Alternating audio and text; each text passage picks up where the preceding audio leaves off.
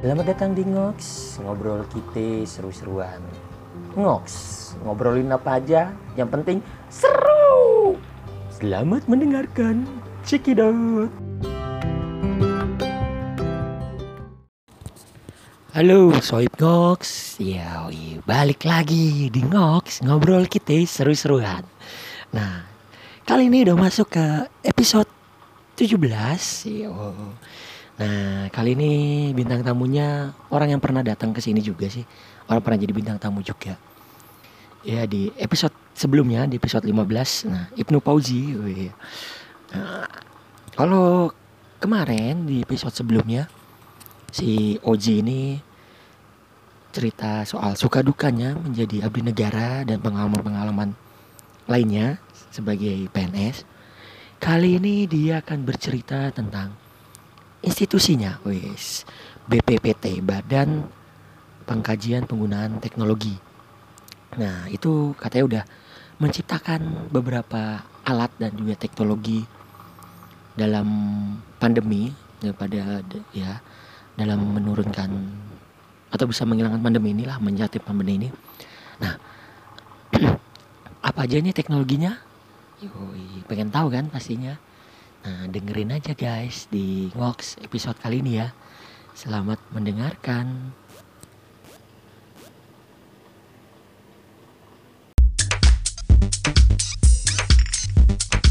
Ya, ya. Selamat Oke. malam, Moji. Ketemu lagi nih. Halo malam Mas Mordendi, apa kabar? Baik. Alhamdulillah. Kamu gimana ya kabarnya? Kabar baik, banyak kerjaan. Sibuk ya? Gimana? Iya biasa, kalau akhir-akhir bulan seperti ini. Bikin laporan gitu?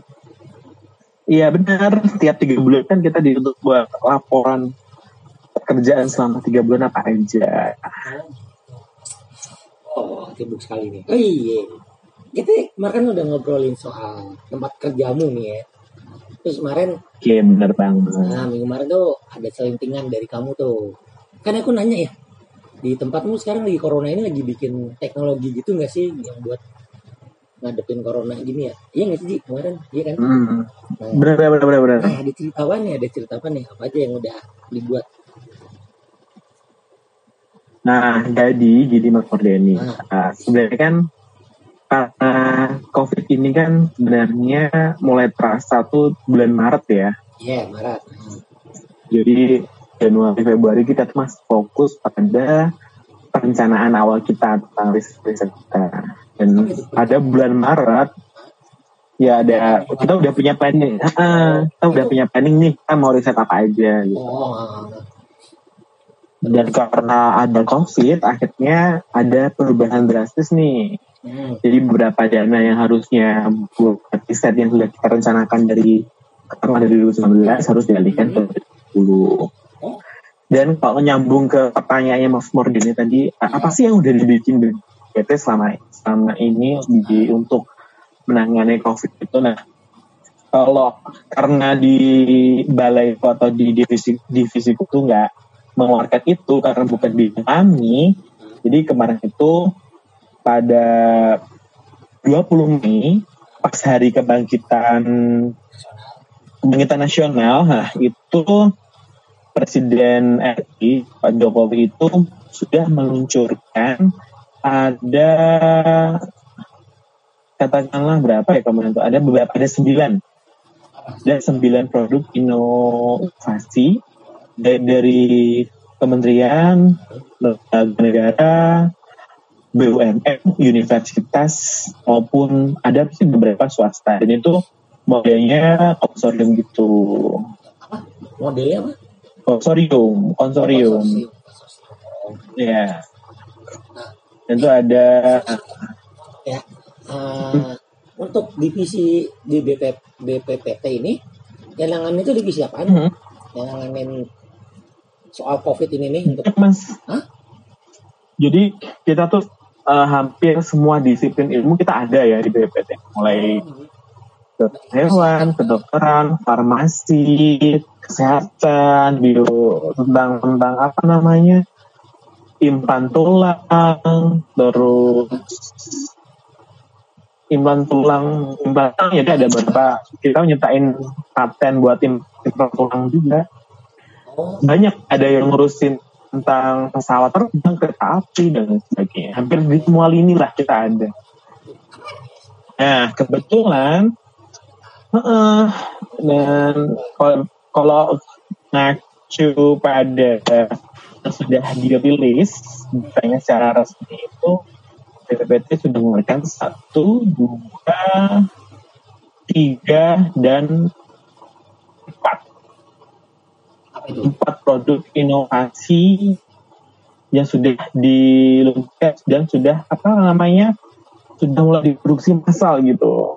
Apaan tuh? Apaan aja? Empat itu. Ya, nah, ini mungkin mungkin eh, sedikit agak bukan akan membosankan sih ya. Sebenarnya kan eh, tugas juga sebagai ASN milenial untuk mempromosikan lah tanda kutip produk-produk ini. Yang pertama itu ada ini Mas Mordinit. Namanya itu adalah PCR test kit. Oh iya. Oh itu BPPT juga Nah, memproduksi tuh. benar benar benar ini adalah eh, PCR 100% buatan dalam negeri. Hmm. Kerjasama sama kampus dong pasti. Nah, ada oh pasti kita ada konsorsiumnya itu ada pasti ada Kementerian Kesehatan.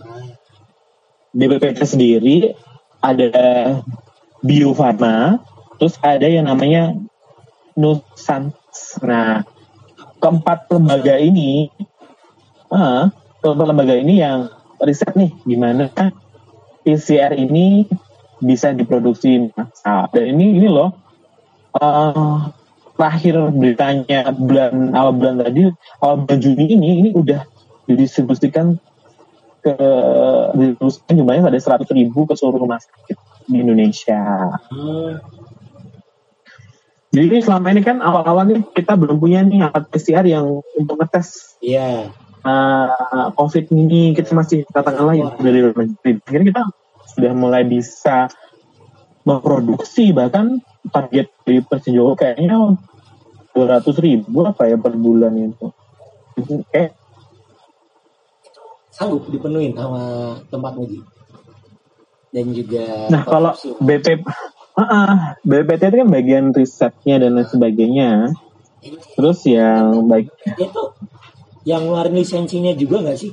Atau hak patennya? Enggak ya? bukan, Bukan ya? bukan mas. Kalau kalau produk kesehatan Hah? ini ada lembaganya tersendiri. Katakanlah Kementerian Kesehatan ini. Jadi semua obat, katakanlah selain BP, BP, BPOM ya untuk obat dan sebagainya, untuk alat kesehatan dan apa lain sebagainya itu sepertinya ini eh, dari Kementerian Kesehatan itu.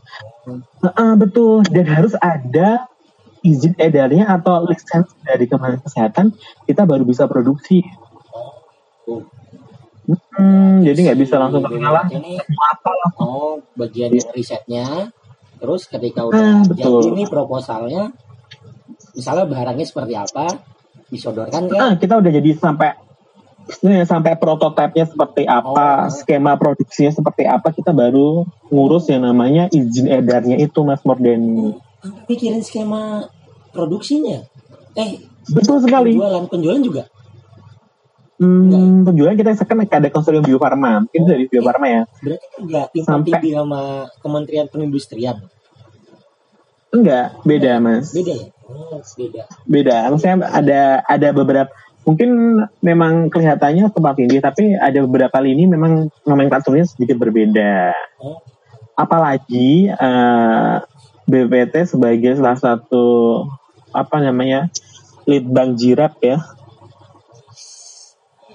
salah satu yang diamanahi di dalam undang-undang untuk melaksanakan yang namanya clearing teknologi dan inovasi teknologi.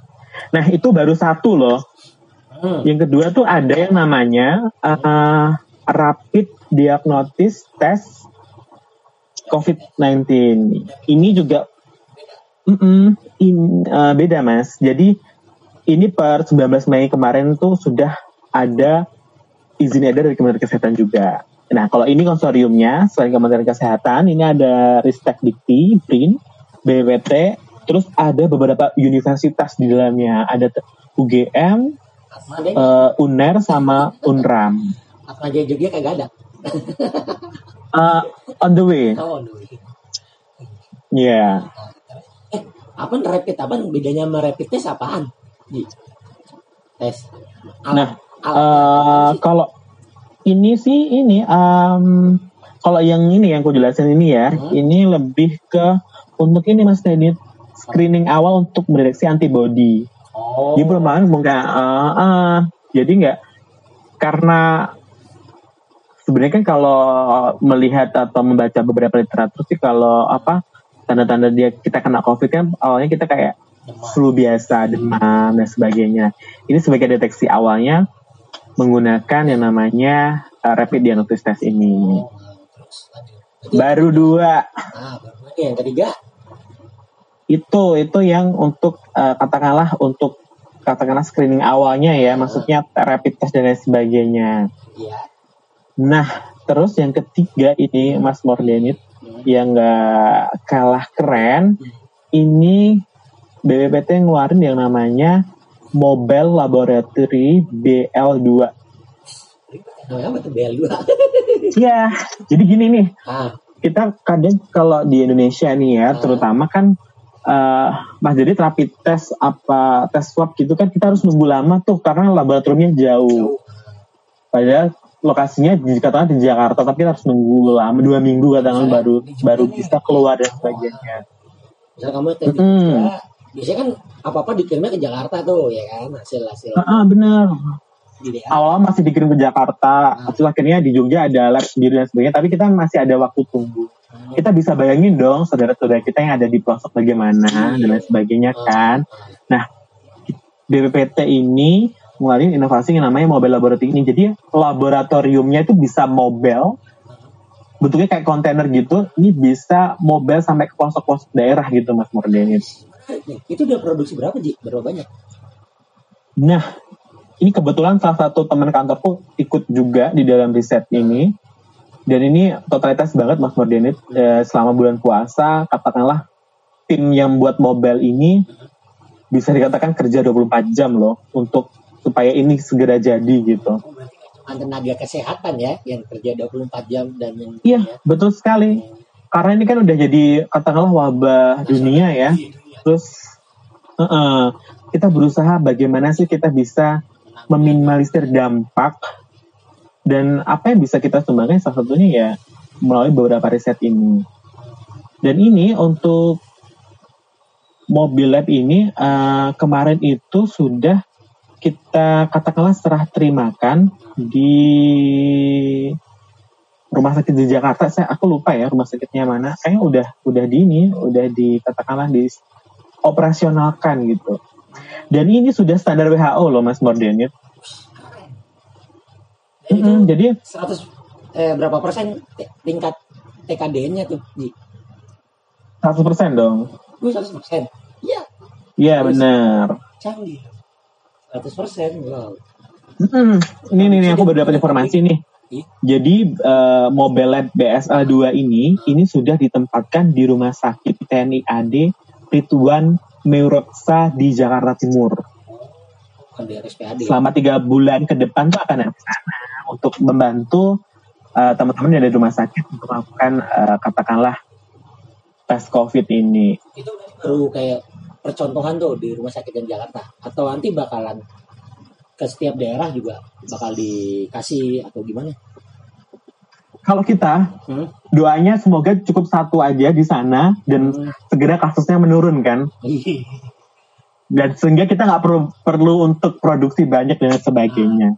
Tapi kan sebenarnya yang paling butuh di daerah ya nggak sih yang terpencil-terpencil gitu. Betul, betul sekali Mas Mordenit. Kenapa harus di Jakarta, Ji? Eh, kita gini Mas Mordenit, Hah? karena ini kan inovasi baru, Hah? baru dibuat nih. Hmm. Kemungkinan ini masih katakanlah kita uji coba dulu di daerah terdekat yang milik TNI kan eh, di Jakarta. Kita ngelihat bagaimana performanya, apakah ada yang kurang ataukah apa ada fasilitas yang perlu ditambah. Sambil menunggu, katakanlah kan eh, mesti nih di kalangan big boss big boss atau stakeholder di atas kan mesti ada kayak rencana dong. Maksudnya ini akan diproduksi masa dan sebagainya itu pasti ada, tapi belum dipublish kan. kalau menurut temanku yang terlibat di project ini katanya sih udah ada beberapa pesanan sakit atau uh, institusi-institusi itu. uh, eh, kenapa di militer deh di, di untuk Gimana, Mas. Fadil? Enggak kenapa diawali di tempatnya di militer kan di rumah sakit tentara tuh tahu Ah, di rumah sakit TNI. Nah, kenapa ya? atau Apa sebenarnya kayak konsorsiumnya Mas Mordeni oh, konsorsiumnya siapa Da- dari TNI, TNI.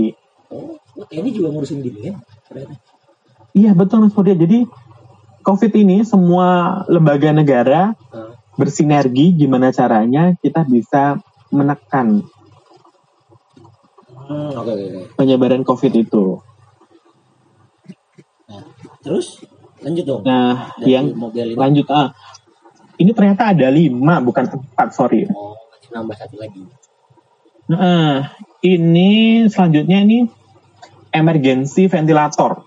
oh iya iya iya kemarin kan sempat Tahu kan Mas? tahu tahu Mm-mm, sempat sempat heboh yang kita kekurangan ventilator karena benar. dan harus nyari Karena kita- dari luar susah ya Tahu dong harga harga ventilator tuh berapa juta Mas Mordenit? Hmm. Terus pasien yang kita rawat sampai sekarang kayaknya lebih hampir 50 ribu ya. sekarang udah tembus 50 ribu kasus Iya benar. Nah ini ventilatornya ini kita BPPT kerjasama dengan beberapa instansi nih.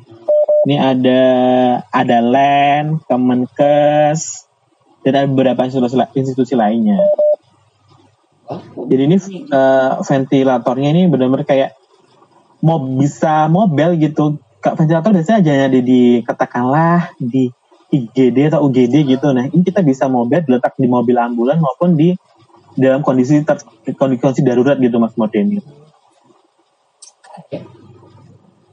Nah dan ini sudah ada izin edarnya dan sudah mulai diproduksi massal sekarang. Wow. Untuk membantu beberapa rumah sakit. Sebenarnya kita nggak perlu lagi ekspor alat kesehatan dong. Bisa dipenuhi di dalam negeri kan ya? Iya, cuman didukung apa enggak ya nanti setelah covid ini berakhir. Wih. nah itu Nah, kita harapannya kita bisa bersinergi tidak hanya di, di saat saat genting free covid ini, tapi iya ke depannya kita bisa katakanlah dalam tanda kutip Iya, swasembada gitu. nah, biar bisa continue ya Benar. Nah, terus satu lagi apa tuh Ji? satu lagi Nah, yang terakhir ini adalah Hah? sistem AI untuk deteksi COVID. Wih, ah, kayak seperti apa contohnya robot dong berarti Nah, ini uh, benar, ini sis- sistemnya. Kita nggak hanya menggunakan robot, tapi ya Oh, sistemnya itu. Jadi ini kita katakanlah uh, dari hasil ini Hmm, pencitraan medis berbasis AI katakanlah kayak X-ray, X-ray dari paru-paru kita. hmm. Jadi itu kita dimasukin ke sistem ini, terus kita bisa tahu tuh dia sakit apa, apa dan sebagainya gitu. Langsung tanpa perlu diagnosis dan sebagainya dan langsung kita tahu dan ini Hmm. eh, ke depan itu akan terkoneksi dengan aplikasi, gitu. aplikasi kayak ya kayak startup itu langsung kita langsung bisa itu. aplikasi Itu baru awalnya. Ke juga ke depannya tuh akan ada ya betul BPT juga kita akan ada big data yang Hah? bagaimana sih kesehatan itu kan kita udah katakanlah memulai masa new normal baru sudah banyak aplikasi-aplikasi kesehatan yang muncul bagaimana itu kita bisa mensinkronkan antara aplikasi kesehatan itu dengan rumah sakit dengan apotik dengan kementerian kesehatan sehingga informasi yang diperoleh itu tidak hanya uh, hanya milik satu vendor aja, tapi ini kita bisa manfaatkan untuk kese- kesejahteraan bersama gitu Mas Morden. Keren nggak tuh? keren dan ya paling nggak bisa menambah apa ya kebanggaan ya kan Indonesia bisa menciptakan itu dan juga Betul. bisa membuka lapangan pekerjaan baru kan jadi banyak terserap Iya betul sekali gitu. Wow eh bedanya Nah. BPPT sama tadi kita udah nyebutin Kemenristek itu yang kerjanya juga ngeriset kan Yes. nah itu bedanya di mana antara job desk-nya atau apanya Nah, kalau kita itu pertanyaan yang sering dilontarkan sih sebenarnya ah, apa sih bedanya gitu itu toh juga satu gedung cuma beda lantai doang kalau di Jakarta di Tamrin itu nah dulu jadi ceritanya uh, BPPT ini namanya Badan Pengkajian BPP Teknologi Ah, founding father founding father BPT adalah uh, Profesor B.J. Habibie ah.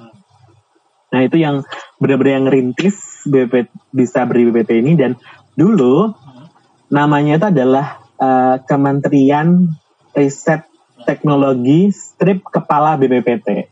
Oh, oh berarti ini udah beda. Jadi menyatu gitu. Nah itu dulu itu dulu. Oh, Terus seiring berjalan nah, setelah reformasi setelah reformasi atau apa ada perampingan birokrasi dan sebagainya akhirnya Kemenristek itu berdiri sendiri dan BPPT itu lembaga negara non kementerian tapi secara koordinasinya di bawah Kemenristek. Ini sama kayak LIPI, Batan seperti itu. Oh, oh iya. Nah itu kagak Kalau kagak kalau di kampus kayak gini Mas Koordinat kayak Kemenristek itu kopertisnya, BPPT itu kayak kampusnya. Ya PT ah kampusnya. Oh. Modelnya seperti itu. Oh berarti di bawah naungan. Berarti yang kontrol dari Kemenristek nih, Ya secara koordinasi iya, tapi kita independen. eh, BPT langsung bertanggung jawab langsung kepada presiden. Oh berarti independen juga ya. Ya, Terus buat apa di bawah naungan Kemenristek dong? Koordinasinya Oh koordinasi. Oh, kita kan perlu koordinasi koordinator. Salah kayak kementerian koordinatornya. Oh iya. Kita ada kekenangan ekonomi dan jumlahnya apa ya, kayak- ya harus harus seperti itu gitu.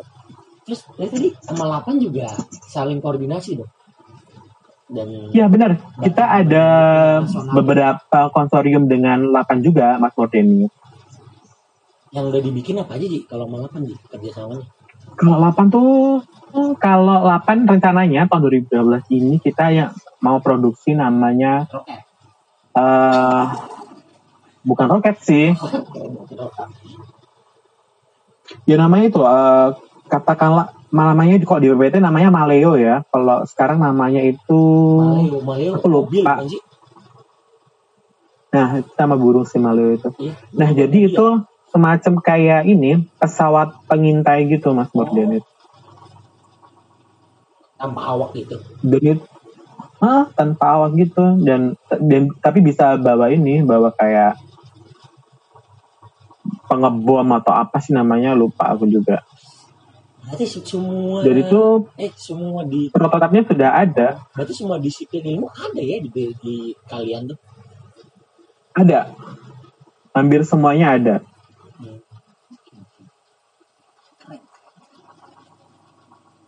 Nah, terus nih Sekalian Hmm, promosi. iya, boleh, nggak apa-apa. Ya mau tanya mau tanya apa Mas Denit? Ah, balik lagi ke soal penanganan COVID ini ya kan. Hmm. Selain selain di divisi yang tadi tuh yang nyitain nyitain prototipe kayak gitu.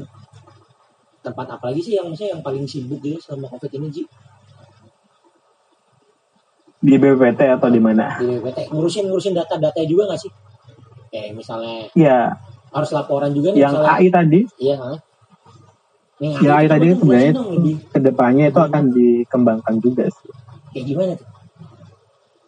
Sistem ya sama kayak uh kayak kita bagaimana sih data itu bisa karena kalau menurut aku, kalau menurut, menurut aku sih data itu bukan hanya data apa yang kena covid berapa kita kan dari data itu sebenarnya kita bisa mengolah banyak maksudnya Hmm. sebelum kena covid ini dia pernah ketemu sama siapa siapa siapa siapa siapa siapa gitu dan itu sebenarnya itu bisa kita programkan gitu Nah, itu tuh udah dibikin belum? Ah sebenarnya lagi ot- sebenarnya kayak kayaknya lagi otw deh Oh, kan kan kayak di Korea atau di mana jadi bisa ketahuan ya kedeteksi. Oh, dia habis ketemu sama siapa, ke mana aja. nah Kayak ada benar rekam jejaknya gitu kan. benar Kalau nah kamu itu sendiri ah, gimana gimana ikutan nggak? Ji? Enggak ya? Di maksudnya di Hmm, enggak sih mas, karena bidang disiplin ilmu kan Beda. berbeda ya. Nggak tahu sipil bisa nyiptain apa gitu. Nyiptain apa? Tapi udah ini kok uh, banyak sih sebenarnya gini. Uh, kalau di BPPT itu memang kita dibagi menjadi beberapa divisi jadi unit-unit gitu tuh. Tapi ketika udah namanya ada A0 atau ada instruksi arahan dari presiden untuk mengembangkan apa, kita langsung nih uh, langsung siap collab dari berbagai, berbagai dari berbagai unit, berbagai institusi dan sebagainya kita langsung bisa untuk collab. Ah, ini gimana caranya untuk bikin ini? Dan itu sudah mulai dikembangkan sih Mas Murtini. Jadi kolaborasi itu sangat penting. Terus apalagi yang diinstruksi sama presiden selain lima alat tadi? Ada nggak?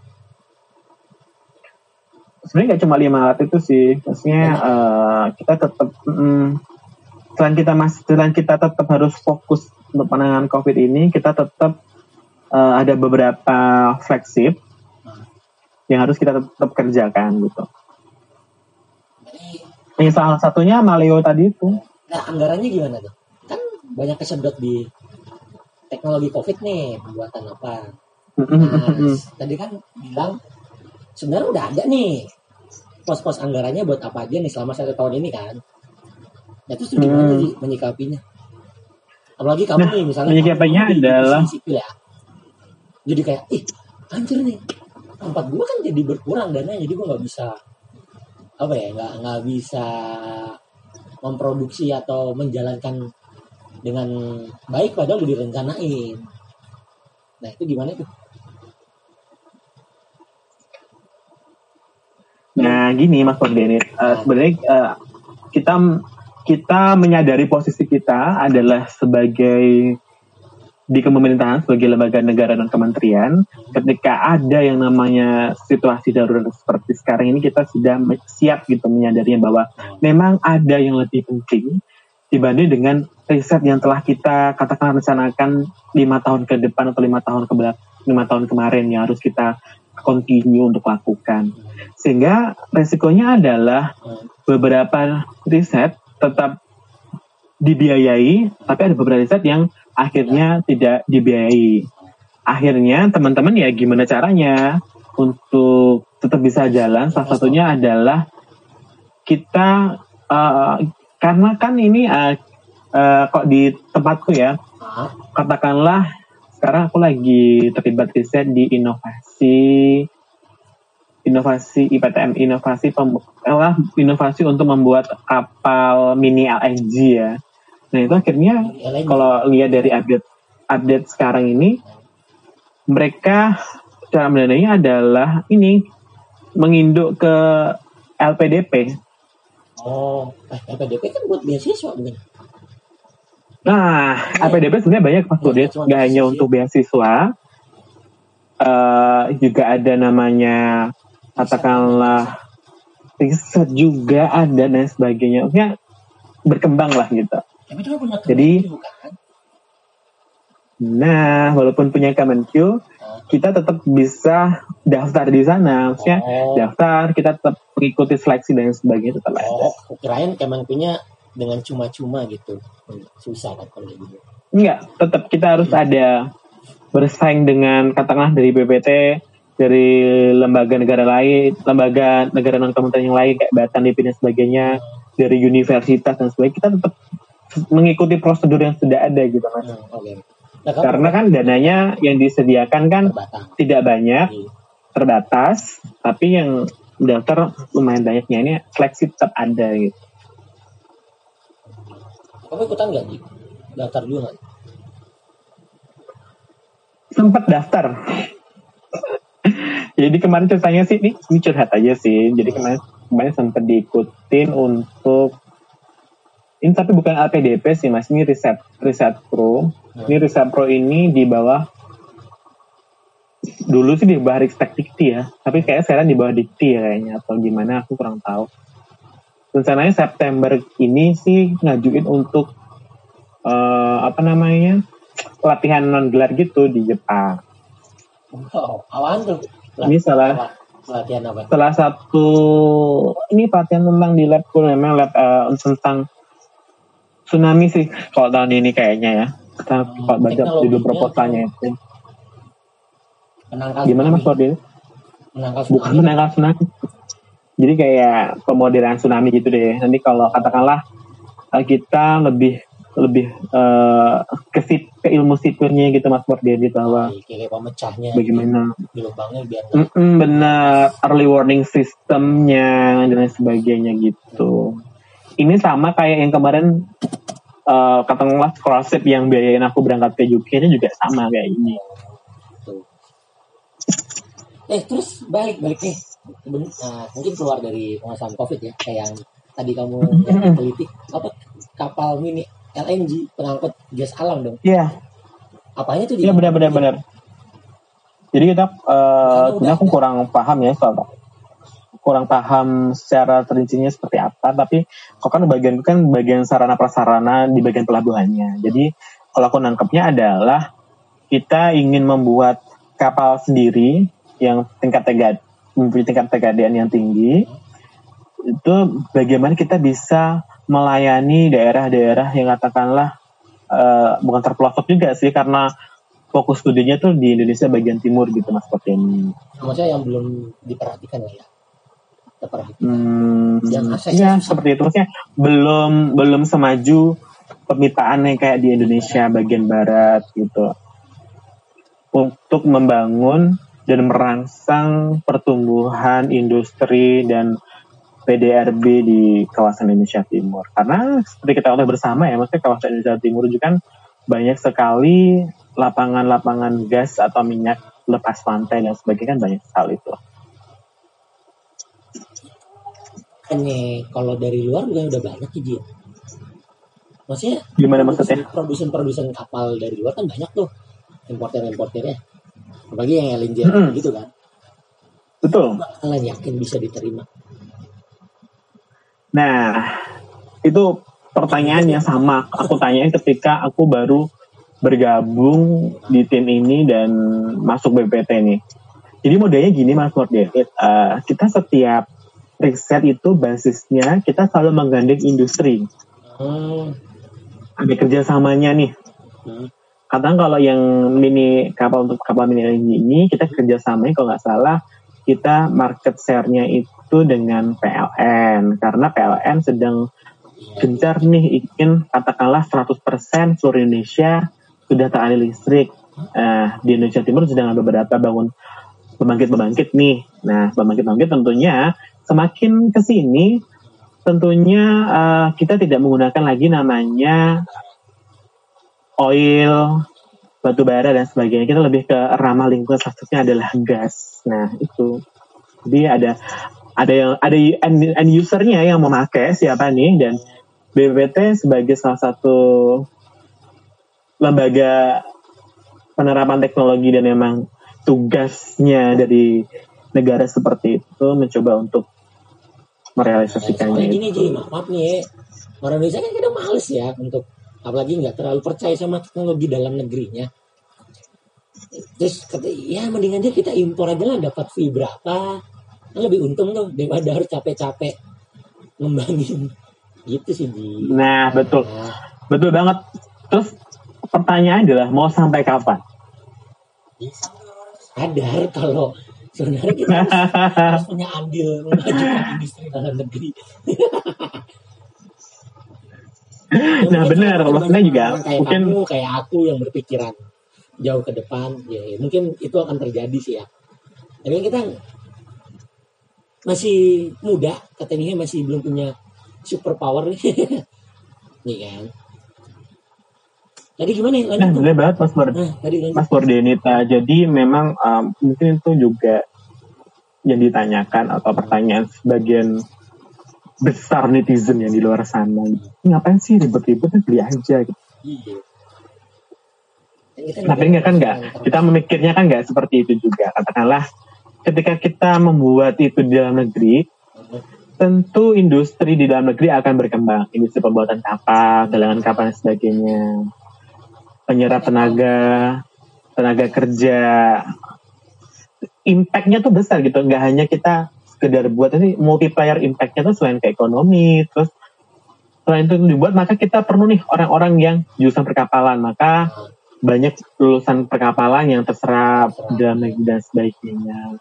seperti itu Pem- pemikirannya sebenarnya sesederhana itu gitu kita tidak hanya memikirkan bahwa eh, fee fee dan fee tapi kita harus memikirkan ke- keberlanjutan bangsa ini ke depan seperti apa kayak gitu kan lagi pengusaha-pengusaha yang kagak mau nggak mau ribet.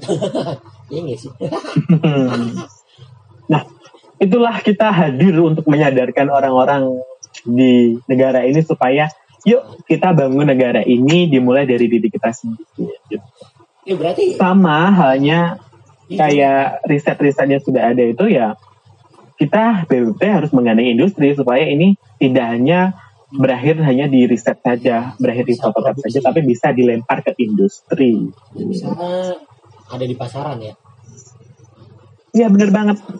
eh katanya mau bikin itu juga pusat antariksa gitu kayak NASA di Indonesia Timur bener gak sih apa LIPI ya itu Oh iya itu LIPI ya.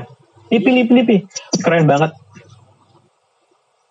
itu kapan Sekarang gini Mas Burnit, bayangin ya, Indonesia tuh kurang apa sih gitu. Kita punya laboratorium biologi terbesar di dunia.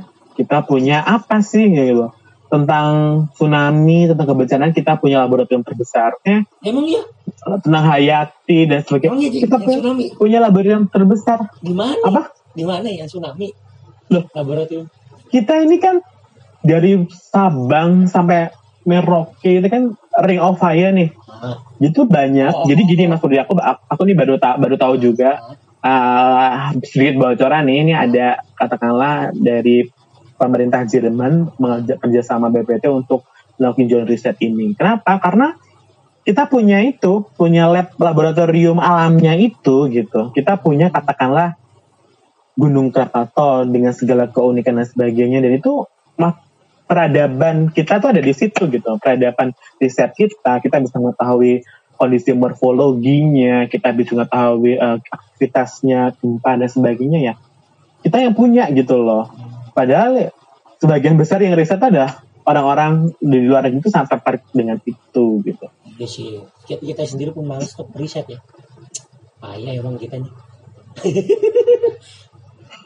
ini kayaknya harus Enggak lah, kita nggak- seminar gitu tuh Gi, buat memotivasi kita nggak payah-payah banget Mas Fordiani. Jadi eh, banyak teman-teman kita yang lulusan alumni LPDP dan sebagainya yang mulai maksudnya membuka mata masyarakat secara luas untuk ikut melek teknologi, mulai punya kesadaran terhadap bangsa ini ya, mulai dari hal yang kecil gitu. Tadi menarik ya. Tahun depan ada lowongan bukan CPNS nggak? Dia aku daftar deh. Buka, buka, buka. Tahun ini eh tahun ini ada sih, tapi lagi. Ah, tapi kan ketunda itunya eh, apa seleksinya tuh udah Iya, udah dari tahun aku tahun udah dari kapan ya? Januari atau BPT tapi tidak lolos juga. Oh iya? Iya aku daftar di Kemenpu memang nggak lolos hmm. tes pertamanya ya mungkin tahun coba tahun depan daftar di BPPT biar soalnya kan ikut merasakan Iya. soalnya kan kepikiran dinamika kehidupan paling banyak lowongan pekerjaannya kan di PU kan masih mikirnya gitu kayak mikir Ah, benar. BPPT ngapain ya ternyata menarik juga ya BPPT ya Hmm, dan kita teman-teman kita itu multidisiplin gitu jadi kita dapat akan dapat banyak ilmu baru pemikiran baru pengalaman baru dan ya dinamis. Oke oke oke. Oke eh berarti penutup nih dia berarti nggak benar dong ya kalau misalnya pemerintah tuh abai soal masalah covid ini ya. Hmm, salah banget mas. Kan banyak tuh Jadi di- kadang aku juga tuh. suka sedih ya kalau mendengar nyalain pemerintah kata-kata dulu, itu ya. gitu. Nyalain pemerintah wah gimana sih mencel-mencel nih kebijakannya ganti-ganti mulu ternyata nggak Nah. juga ya Enggak, enggak Mas Sore. Jadi gini, Hmm. katakanlah eh, kita kita eh, sebagian besar masyarakat kita tuh jadi bukan dididik ya, maksudnya pemikirannya masih instan. Katakanlah, ah lihat dong contoh di Vietnam itu lockdown langsung bisa, nah. Tapi nggak sesimpel itu. Kita punya kondisi demografi yang sangat luar biasa. Kita punya 17 ribu pulau, kita tersebar negara yang besar dan sebagainya. dengan segala latar belakang pendidikan ya. Jadi nggak semudah itu untuk lockdown terus dari dan sebagainya. Menurutku ya kalau dibilang mensamin dan sebagainya itu itu mungkin ada strategi dari pemerintah membuat kebijakan secara bertahap setelah dua minggu terus di dievaluasi dan dan lain sebagainya. Hmm. Itu tentunya sudah melalui pemikiran para ahli-ahli kita gitu. Hmm. Kita tidak bisa semena-mena menerapkan teknologi atau eh, tanggap bencana di luar negeri kata di Singapura atau Korea Selatan di langsung diterapkan di Indonesia tuh Iya, karena nggak bisa. belum tentu cocok. Mm-mm, benar sekali karena ya kondisi kondisi kita berbeda gitu. Hmm. Dan kalau dengar kata-kata pemerintah kurang tanggap, eh, kurang tanggap atau bagaimana sih ya? Kalau aku lihatnya itu ada sebagai kritik membangun ya karena memang masih banyak kekurangan yang eh, belum bisa terpenuhi. Tapi pemerintah sudah bekerja seoptimal mungkin, terutama para tenaga medis yang rela berbulan-bulan tidak bertemu dengan keluarganya, terus para peneliti-peneliti di berbagai instansi yang terus berusaha untuk katakanlah bekerja 24 jam untuk melakukan riset, melakukan penelitian supaya uh, obat atau yang namanya vaksin dari COVID ini uh, bisa segera ditemukan. Eh, neliti Jadi- vaksin sih, Ji? BPPT, Ji? Gimana, Mas? Bikin vaksin juga nggak sih BPPT? Uh, kita ada konsorium dengan Iya. salah satu lembaga yang membuat vaksin itu sama universitas sih juga. Oh iya, oh iya. Terus terus tadi lanjut lanjut tadi. Sebelumnya mau sorry kepotong. Nah, kalau ini kan udah closing statement ya. closing statementnya adalah, uh, ayo semuanya yang dengerin podcast ini, uh, kita jangan abai, Ah. kita jangan acuh. Ayo kita benar ikut saran pemerintah untuk tetap di rumah, untuk selalu cuci tangan, pakai masker dan sebagainya. Ini uh, bukan hanya demi kebaikanmu, tapi juga demi kebaikan uh, semua orang yang ada di sekitarmu. Kasihan atau hargailah teman-teman kita para tenaga medis, peneliti dan dan uh, aparat yang telah bekerja seoptimal mungkin menomorsatukan kesehatan dan kesehatan kalian dan keamanan kalian gitu. Jadi untuk yang masih suka nongkrong-nongkrong, masih su- suka AB dan sebagainya, yuk kita barengan eh, kita bisa kok ikut ikut apa mencegahnya dengan cara kita tetap di rumah saja, eh, kurangi aktivitas di luar rumah, tetap jaga kebersihan, terus pakai masker dan kita tetap stay positif bahwa ini adalah cobaan dan kita pasti bisa melaluinya kalau kita mau berjuang bersama. Oke gitu Mas Murdi dari aku. Oke, udah. Terima kasih sudah memberikan sedikit pencerahan wis ya kan. Dan terima kasih nih udah ngobrol-ngobrol. Dan aku sih harapannya semoga makin banyak produk-produk dalam negeri yang merajai pasaran dalam negeri ya tentunya ya. Amin. Iya, dan makin banyak teori-teori yang dikemukakan oleh ahli-ahli dalam negeri lah. Jadi kita kalau misalnya belajar atau di perkuliahan atau di mana tuh nggak nggak perlu pakai teori dari luar negeri sih ya. Apa dari luar sana sih lebih banyak ke dalam negeri sih seperti ya. Oke dah, makasih Ci ya. Udah waktunya nih. Thank you. Oke Mas Murdi nih, healthy. Thank you.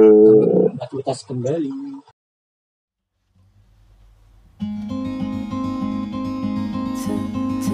do.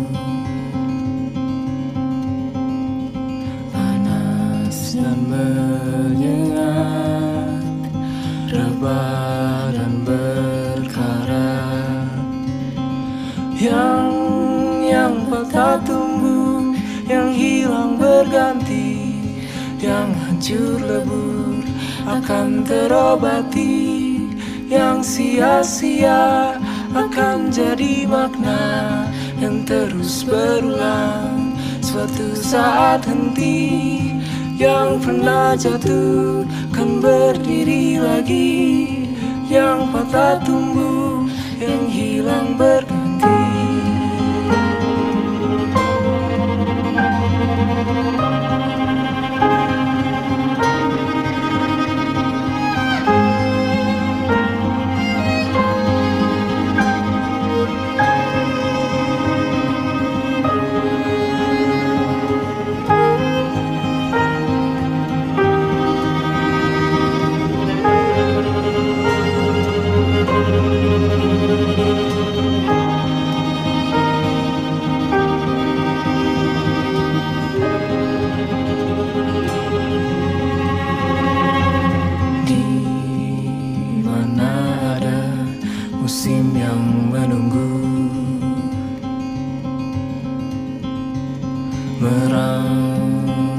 merapu berganti dan lulu Bayang yang berserah Terang di ujung sana. Yang yang patah tumbuh yang hilang berganti yang hancur lebur akan terobati yang sia-sia akan jadi makna yang terus berulang. Suatu saat henti yang pernah jatuh kan berdiri lagi yang patah tumbuh yang hilang berganti. Yang patah tumbuh yang hilang berganti. Yang hancur lebur akan terobati yang sia-sia akan jadi makna yang terus berulang suatu saat henti yang pernah jatuh kan berdiri lagi. Yang patah tumbuh yang hilang berganti. Yang patah tumbuh yang hilang berganti. Yang lebur akan terobati yang sia-sia akan jadi makna yang terus berulang suatu saat henti yang pernah jatuh kan berdiri lagi. Yang patah tumbuh yang hilang berganti